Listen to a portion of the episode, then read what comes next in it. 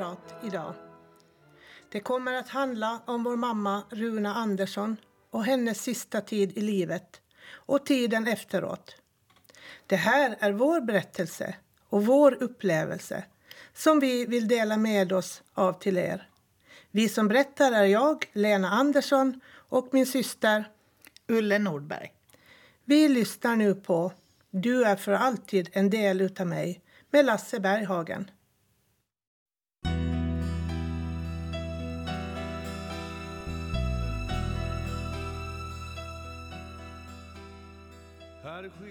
Våra vägar i livet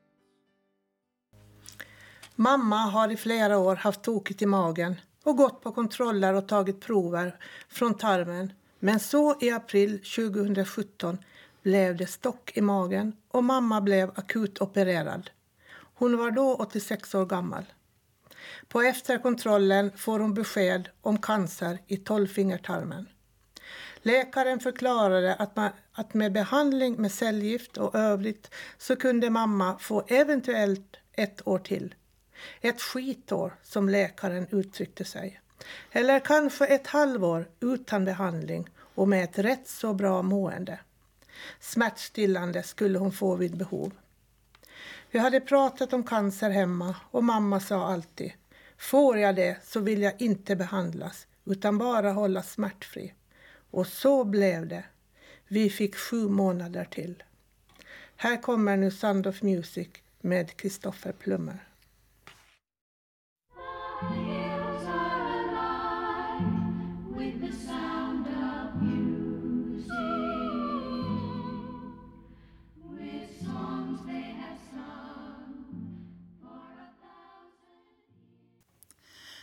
Sommaren 2017 blir vår sista sommar med mamma.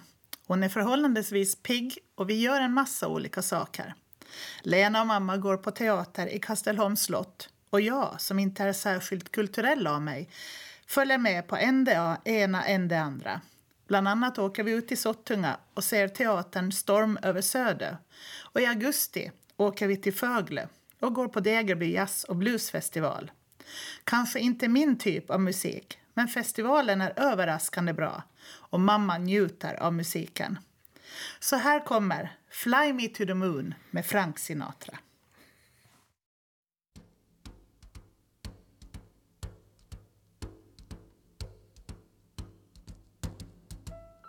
Fly me to the moon Let me play among Hösten kom och mamma fortsatte leva som tidigare.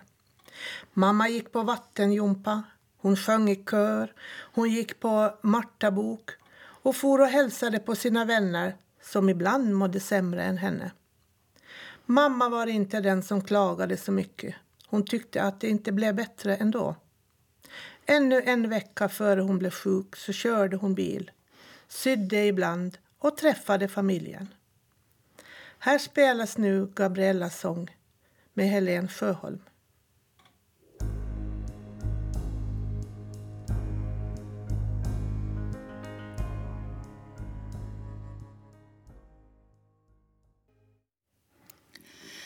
Lördagen den 4 november ringer Lena till mig. Eh, hon är orolig. Hon har pratat med mamma kvällen före och tyckt att det inte lät så bra. Jag är på väg ner till Båtvik, äter min, bara min frukost och så åker jag ner. Jag möter mamma nyduschad och tämligen fräsch i dörren och hon ser ganska pigg ut. Jag går ut en stund och jobbar på gården och när jag kommer in igen då sitter hon vid köksbordet och förbereder middagsmaten. Jag fikar och vi pratar en stund och så går jag ut igen. Men när jag kommer in nästa gång då ligger hon på soffan och säger att hon har så ont under bröstet. När jag går fram till henne så ser jag ju hur gul hon har blivit och både mamma och jag vet vad det innebär. Jag ringer till sjukhuset och snart sitter vi i bilen på väg in. Jag ringer upp Lena och Lasse och vi möts alla på sjukhuset. Läkaren undersöker henne och efter en stund kommer han och säger att det blir operation på måndag. Det är nu vi inser hur illa det är. Men vi sätter vårt hopp till operationen på måndag. Nu lyssnar vi på Himlen är oskyldigt blå av Ted Gärdestad.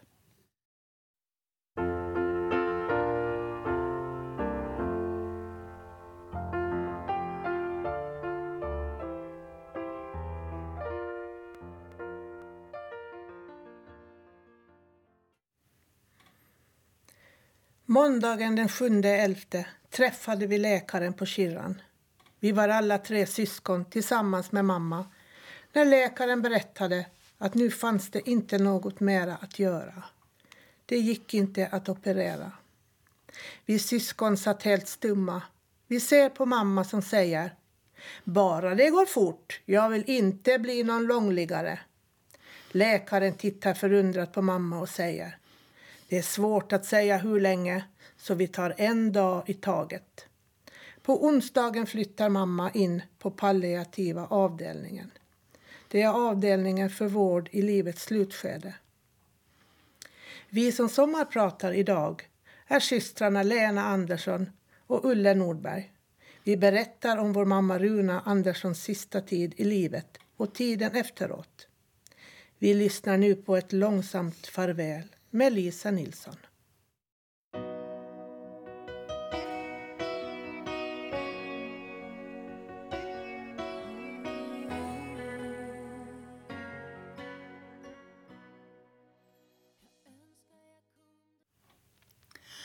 Mamma är rätt så pigg, så på lördagen hämtar jag hem henne. Vi åker via kantarellen och handlar.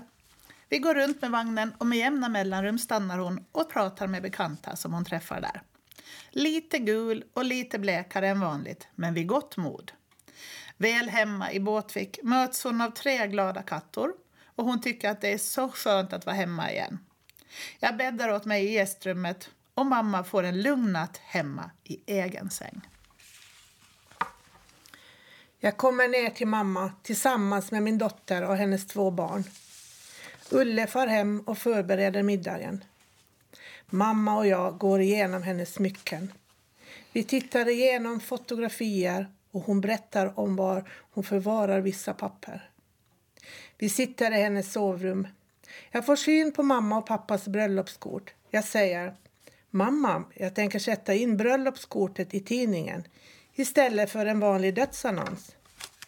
Mamma tittar på mig och säger Ja, ni får göra som ni vill.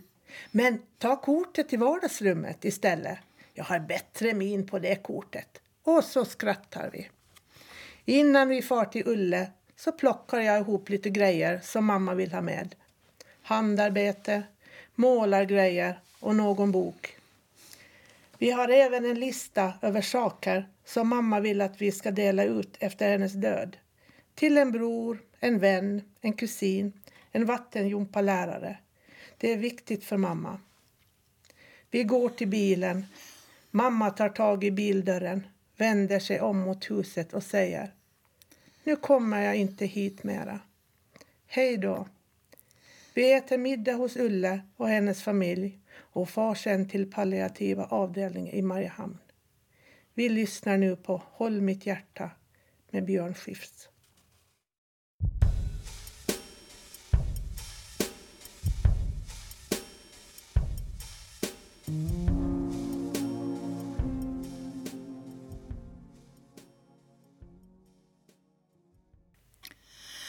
På måndagen när jag besöker mamma säger hon att sköterskan har sagt att hon är för pigg för att vara på palliativa. Och det tycker vi också. Mamma har ju trott att hon skulle kunna sitta i dagsalen med de andra patienterna, kanske sjunga lite för dem eller läsa någon dikt. Men på palliativa ligger de flesta, ja alla, på sina rum. Så mamma är rätt så ensam då vi eller väninnorna inte är där. Mamma menar att hon kan inte bo kvar i Båtvik ensam mera, så vi bestämmer oss för att börja söka en lägenhet i stan. Och via Kickan på Holmbergs får vi tag i en tvåa i Strandnäs. Här kan vi bo med henne. Jag får nära till mitt jobb i Strandnäs skola och mammas väninnor kan besöka henne. Och det är nära till palliativa där hon har ett rum stående vid behov. Mamma blir glad åt lösningen och vi bestämmer att vi ska skriva på hyreskontraktet efter helgen. Mamma tyckte om att underhålla andra. Så därför lyssnar vi nu på Sara Leander som mamma imiterade vid ett flertal tillfällen. Här kommer Vill ni se en stjärna?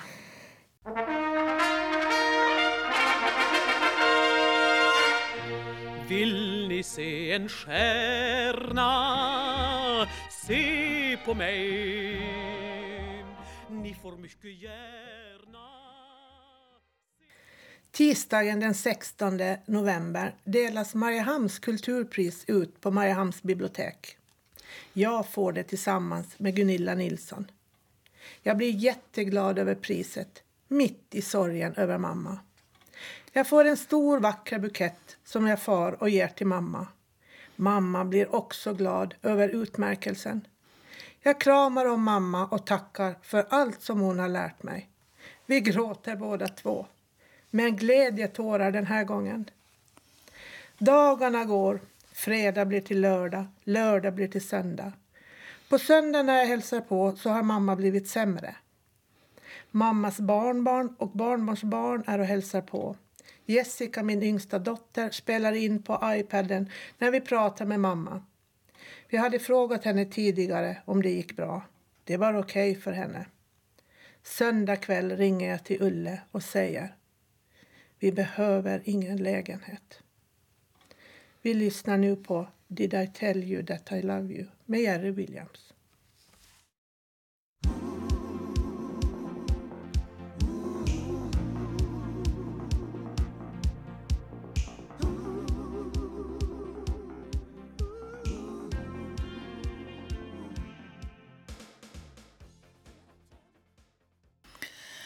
På måndagen meddelar vi Kickan på Holmbergs att vi inte behöver någon lägenhet längre. Jag ringer jobbet och begär ledigt några dagar. En av mina chefer, Gea, svarar direkt. Det viktigaste nu är tiden du har kvar med din mamma. Var ledig så länge du behöver. Än idag är jag så tacksam över det stöd jag fick från jobbet. Många vänner och släktingar besöker mamma den här sista veckan och vi funderar på att säga stopp för hon är så trött. Men hon vill att alla ska få komma. Bland annat vår kusin Sverker kommer. Han är mammas gudson och han säger Men gummor, vad vacker du är. Komplimangen gör henne generad men väldigt glad. Och hon är vacker där hon ligger. På tisdagen flyttar jag in i rum 11 på palliativa avdelningen i mammas rum.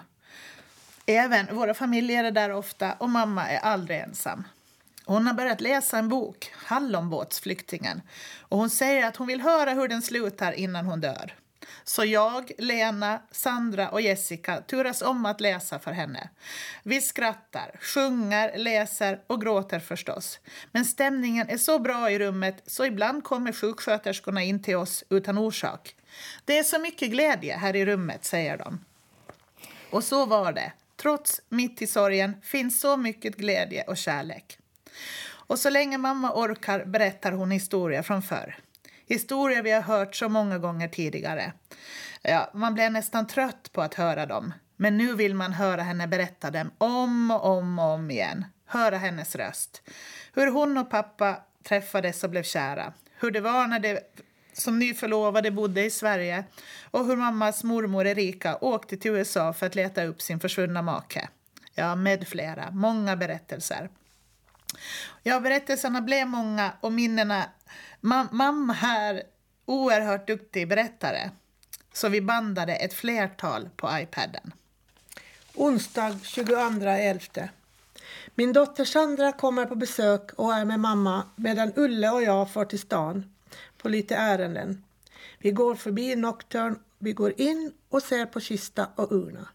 Vi bestämmer oss för vad vi tror att mamma vill ha. När vi kommer till mamma och visar bild på kistan så tycker hon att vi kunde ha tagit en billigare eftersom den ska eldas upp. Vi säger det var den billigaste och urnan får man låna ett år. Vi skrattar åt allt. På kvällen flyttar även jag in.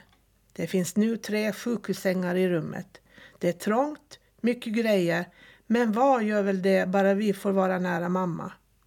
Personalen är otrolig. Det kan inte bli mycket bättre än vad det är trots all sorg. Vi är dem evigt tacksamma. Vi lyssnar nu på You are always on my mind med Elvis.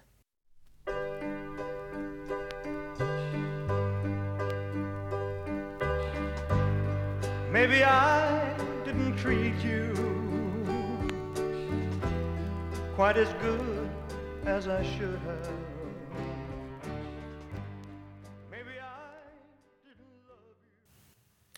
Mamma är sämre och frågar vilken präst som tjänstgör på sjukhuset. Men vi ringer Karin Sandholm och hon kommer till mamma en stund. De är goda vänner och sjunger i samma sångkör. Så gör det även nu. Mamma får en kraftig infektion men hon vill inte ha någon behandling annat än smärtstillande. Mamma sover mycket. Vi ger henne lite fil och lite vatten. Läkaren frågar om mamma inte är orolig över något. Men mamma säger bara, jag är lugn som en filbunke. På fredagskvällen pratar mamma med sin 94-åriga moster och kusin i Sverige. Hon säger att hon ligger och väntar på den sista mönstringen. Så hade hennes morfar John Sommarström sagt. De pratar och skrattar. Mamma berättar om hur bra hon har det. Alla är snälla på palliativa avdelningen. Från läkare, sjukskötare till städare. Hon är nöjd. 20 minuter pratar mamma i telefon. Sen vill hon sova. Ulle kommer in i rummet. En sak som mamma oroar sig över är hur det ska bli med hennes tre kattor, Birk, Ronja och Pricken. Via Facebook hittar vi ett jättefint hem i Vårdö åt Birk och Ronja. Och Pricken får stanna hos Ron och mig i Svine. Mamma blir så glad och lättad när jag på fredagskvällen berättar för henne att det har ordnat sig för hennes skissor. Och nu kommer det att komma tårar, men det får jag be om ursäkt för. Idag kan jag känna en tröst i att sitta med pricken i famn, stryka hans päls och veta att så här har också mamma suttit. Hennes händer har smekt pricken på samma sätt som jag gör. Och jag inbillar mig att pricken känner li likadant, att jag är ett bra substitut till mamma. Nästan samma händer och samma röst. Under den här sista tiden ville vi göra allt för mamma. Därför lyssnar vi nu på Jag ska måla hela världen, lilla mamma med Flamingokvintetten.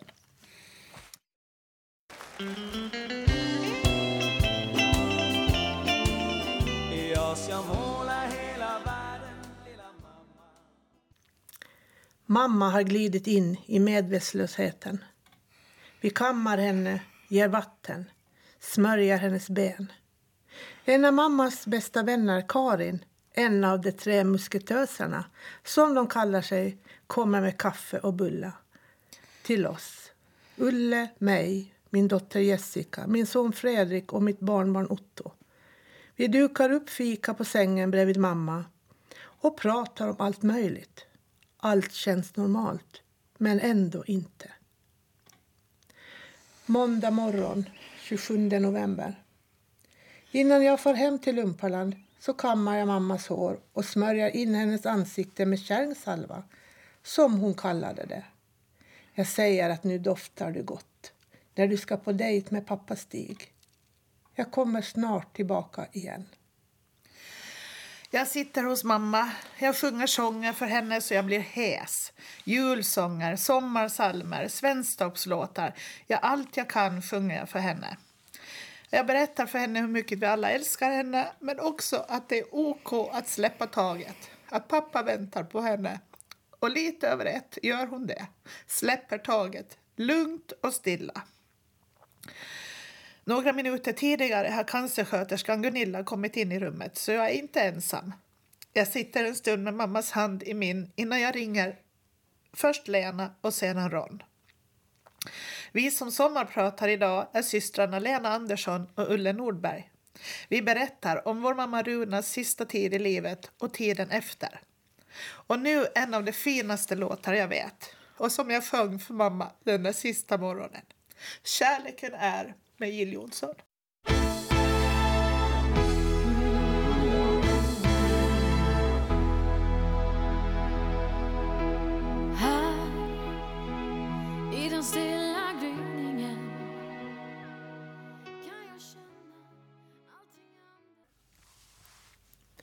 Jag har just öppnat bildörren och ska sätta mig in i bilen och fara till mamma.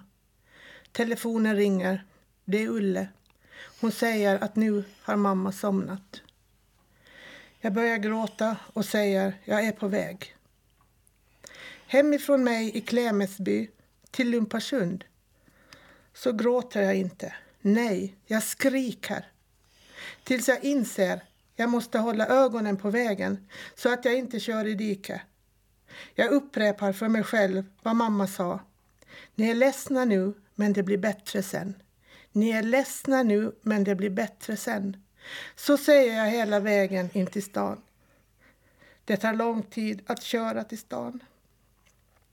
Jag kommer in i rummet, kramar om Ulle, går sen fram till mamma och kramar om henne. Inser senare att det bara är ett skal. Mamma finns för alltid inom oss. Medan personalen klär mamma i hennes blå tröja och byxor så väntar vi utanför. Vi ringer Lasse och berättar om mamma. Vi ringer till Nocturne och säger nu har mamma dött. Det svarar vi hämtar henne. Så enkelt var det. Hela eftermiddagen sitter vi kvar i rummet med mamma. Ulle, Ron, Jessica, Sandra och jag. Vi får nu höra I will always love you med Whitney Houston. If I should stay, I would only be in your way. So I'll go, but I know I'll think of you. Följande tisdag far Ulla och jag till krematoriet Silverdal i Sollentuna. Mamma visste att vi skulle följa med. På Rusella möter vi Andreas pappa Putte som kör bilen med mammas kista. En så vänlig man så det känns tryggt att mamma åker i bilen med honom. Vi följer efter med våran bil. Väl framme så möts vi av en vacker byggnad och av en mycket vänlig personal. Precis det vi behöver. De berättar om vad som kommer att hända. De frågar om vi vill vara med vid kremeringen. Det vill vi. Ulle och jag står och kramar om varandra. Efter cirka tre timmar får vi urnan med mammas aska i. Vi kramar om personalen och åker hemåt med mamma i bilen. Följande dag, den 6 december, har vi minnesstunden på restaurang Metropol i Mariehamn eftersom mamma inte ville ha någon jordfästning. Vi ordnade med minnesstunden själva. Vi använde allt som mamma hade lärt oss. Vi visste inte hur vi skulle börja men efter att alla kommit så hälsade vi välkomna till mammas, till mammas minnesstund. Och vi gör som hon ofta gjorde tog det på känsla. Jag läste mammas egenskrivna vers som fanns i dödsannonsen. Den låter så här. Långt bort, där rymden tar vid, går jag ensam. Utmätt är min tid. Men jag finns inom er så länge ni minns. Sorg och glädje går hand i hand. Men glöm inte, trots tårar, att le ibland. Ingmarie Sundblom spelade den här melodin på trumpet vid minnesstunden.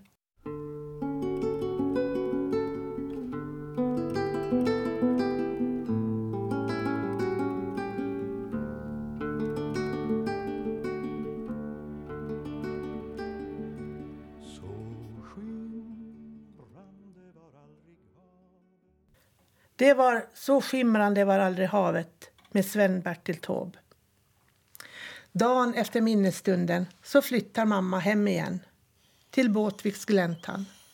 Min dotter Julia far hem med urnan och ställer i ordning ett minnesbord med urna, fotografier, blommor och ljus som vi sen kan titta på. Lite nu och då när jag är ledsen så far jag ner till Båtvik och säger Hej mamma, nu är jag här igen. Jag försöker låta glad men lika ofta börjar jag storgråta. Jag sätter mig i soffan och tar urnan i famnen och kramar den. Efter en stund känns det bättre och jag undrar, är jag riktigt klok? Krama urnan. Men vad då? Vem bryr sig? Bara det känns bra för mig. Tur att Rune, mina barn och vänner finns och mammas goda vän Karin och förstås Ulle, min favoritsyster. Vi lyssnar nu på I am sailing med Rod Stewart.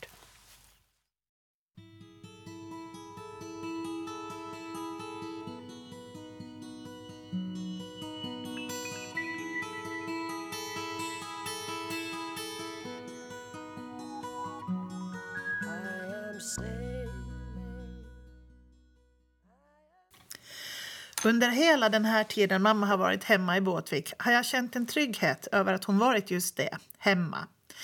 Men den 11 juli är en så vacker dag och kväll så vi bestämmer att nu är det dags att sprida hennes aska. Hon har själv valt ut platsen, en holme rakt ut från Båtvik, vårt sommarställe och där mamma byggde sitt hus. Hon har också själv varit i kontakt med ägaren till holmen och vattnet och frågat lov, för det måste man ha om man ska sprida askan på någon annans mark och vatten. Lena, Lasse, jag och våra familjer stuvar in oss i två båtar och åker ut. Fjärden ligger blank som en spegel. Den är lite speciell den här holmen. Vackra röda berg, krypenar och martallar och på västra udden finns en bergvägg med ett kors inristat och nedanför korset ligger en stor flat sten som ett litet altare. Vi tre syskon kliver ner i vattnet på en undervattensklippa och i tur och ordning strör vi ut mammas aska.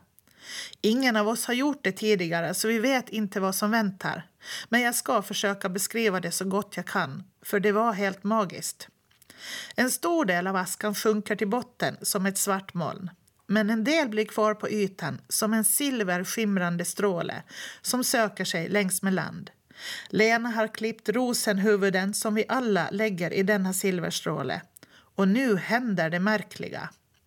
Mamma har alltid sagt att hon ville att det skulle blåsa ostlig vind när vi strör askan så att hon blåser hem till Båtvik igen. Men medan vi är här ute börjar det blåsa en mild nordanvind. Ja, hon kan ju inte få allt, säger jag. Men när silverstrålen kommer till udden fortsätter rosorna att driva i nordlig riktning medan silverstrålen vrider sig och driver österut, hem till Båtvik. Hon ska hem! Titta, hon åker hem! Ingen av oss är religiösa, men just då och där kändes det som sagt helt magiskt. Precis som mamma ville blev det. Vi står alla tysta i våra egna tankar men efter en stund går vi runt holmen och några av ungarna badar. Lena har gjort en minnessten där hon med rundskrift har ristat in mammas namn och årtalet 2017. Den lägger vi på altarstenen innan vi åker hem till Båtvik och fikar tillsammans. Allt jag kan tänka på är hur den vackra silverstrålen vred sig österut. Att mamma bara skulle hem igen. Nu sjunger Valton Grönros låten Spegling som Tore Putte Karlsson sjöng så vackert på mammas minnesstund.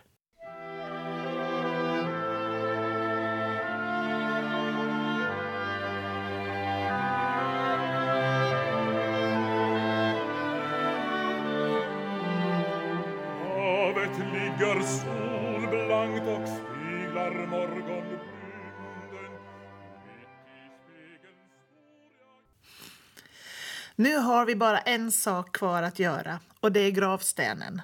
Mamma har redan för flera år sedan pratat om att säga upp gravplatsen på Lumpalands kyrkogård och ta bort pappas gravsten. Och det är också en av de många saker vi pratar om den sista tiden. Att säga upp gravplatsen och flytta stenen till Båtvik. Nocturn fixar att mammas namn och årtal står under pappas och den 21 i tionde 2018 kommer stenen på plats med hjälp av Rune och Ron. Den står så vackert där uppe på berget bredvid flaggstången med utsikt över Båtviksstranden, Engesund och även den holme där vi strödde mammas aska. Cirkeln är sluten. Det är inte längre någon gravsten utan en vacker minnessten över två älskade föräldrar som vi minns med stor tacksamhet och kärlek. För alla ljuvliga minnen spelar vi nu låten med just det namnet. Ljuvliga minnen med Thomas Ledin.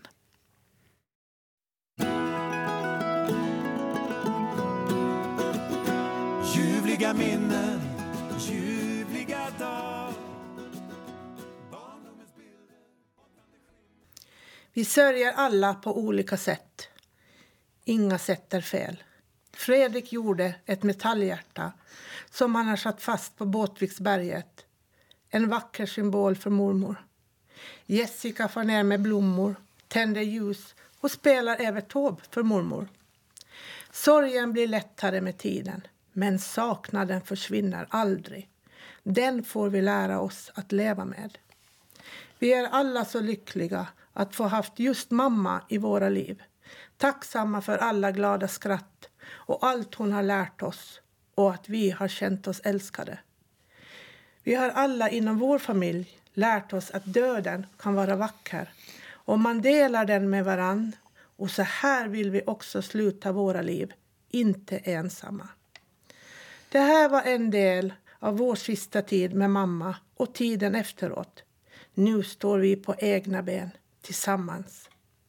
Det jag tar med mig vidare i livet. Skriv ner hur du vill ha det. Prata om döden. Vi drabbas alla av den på ett eller annat sätt. Det finns minns mig-dokument att fylla i när man är frisk. Det har jag gjort för att underlätta för mina anhöriga. Och vad jag då har lärt mig på den här sorgliga men ack så vackra resan, det är att för det första, vi gjorde allting rätt. Vi gjorde precis så som mamma ville. Det är en skön känsla att ta med sig.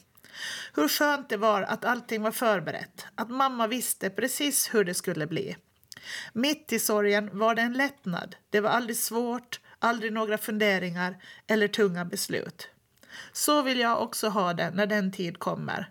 Och kan jag själv göra det lättare för mina anhöriga, så är, vad är väl bättre än det?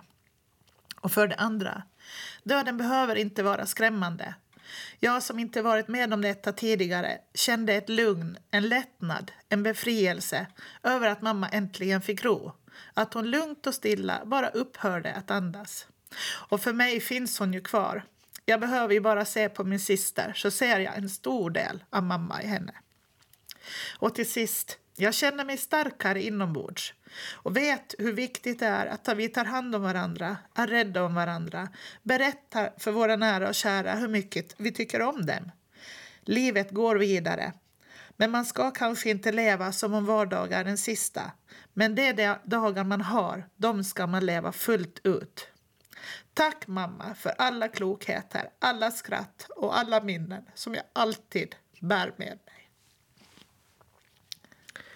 Vi slutar nu med ett tack från mig och min syster för att ni tog er tid att lyssna.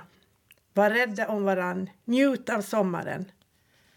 Vi säger hej då med Queens The show must go on.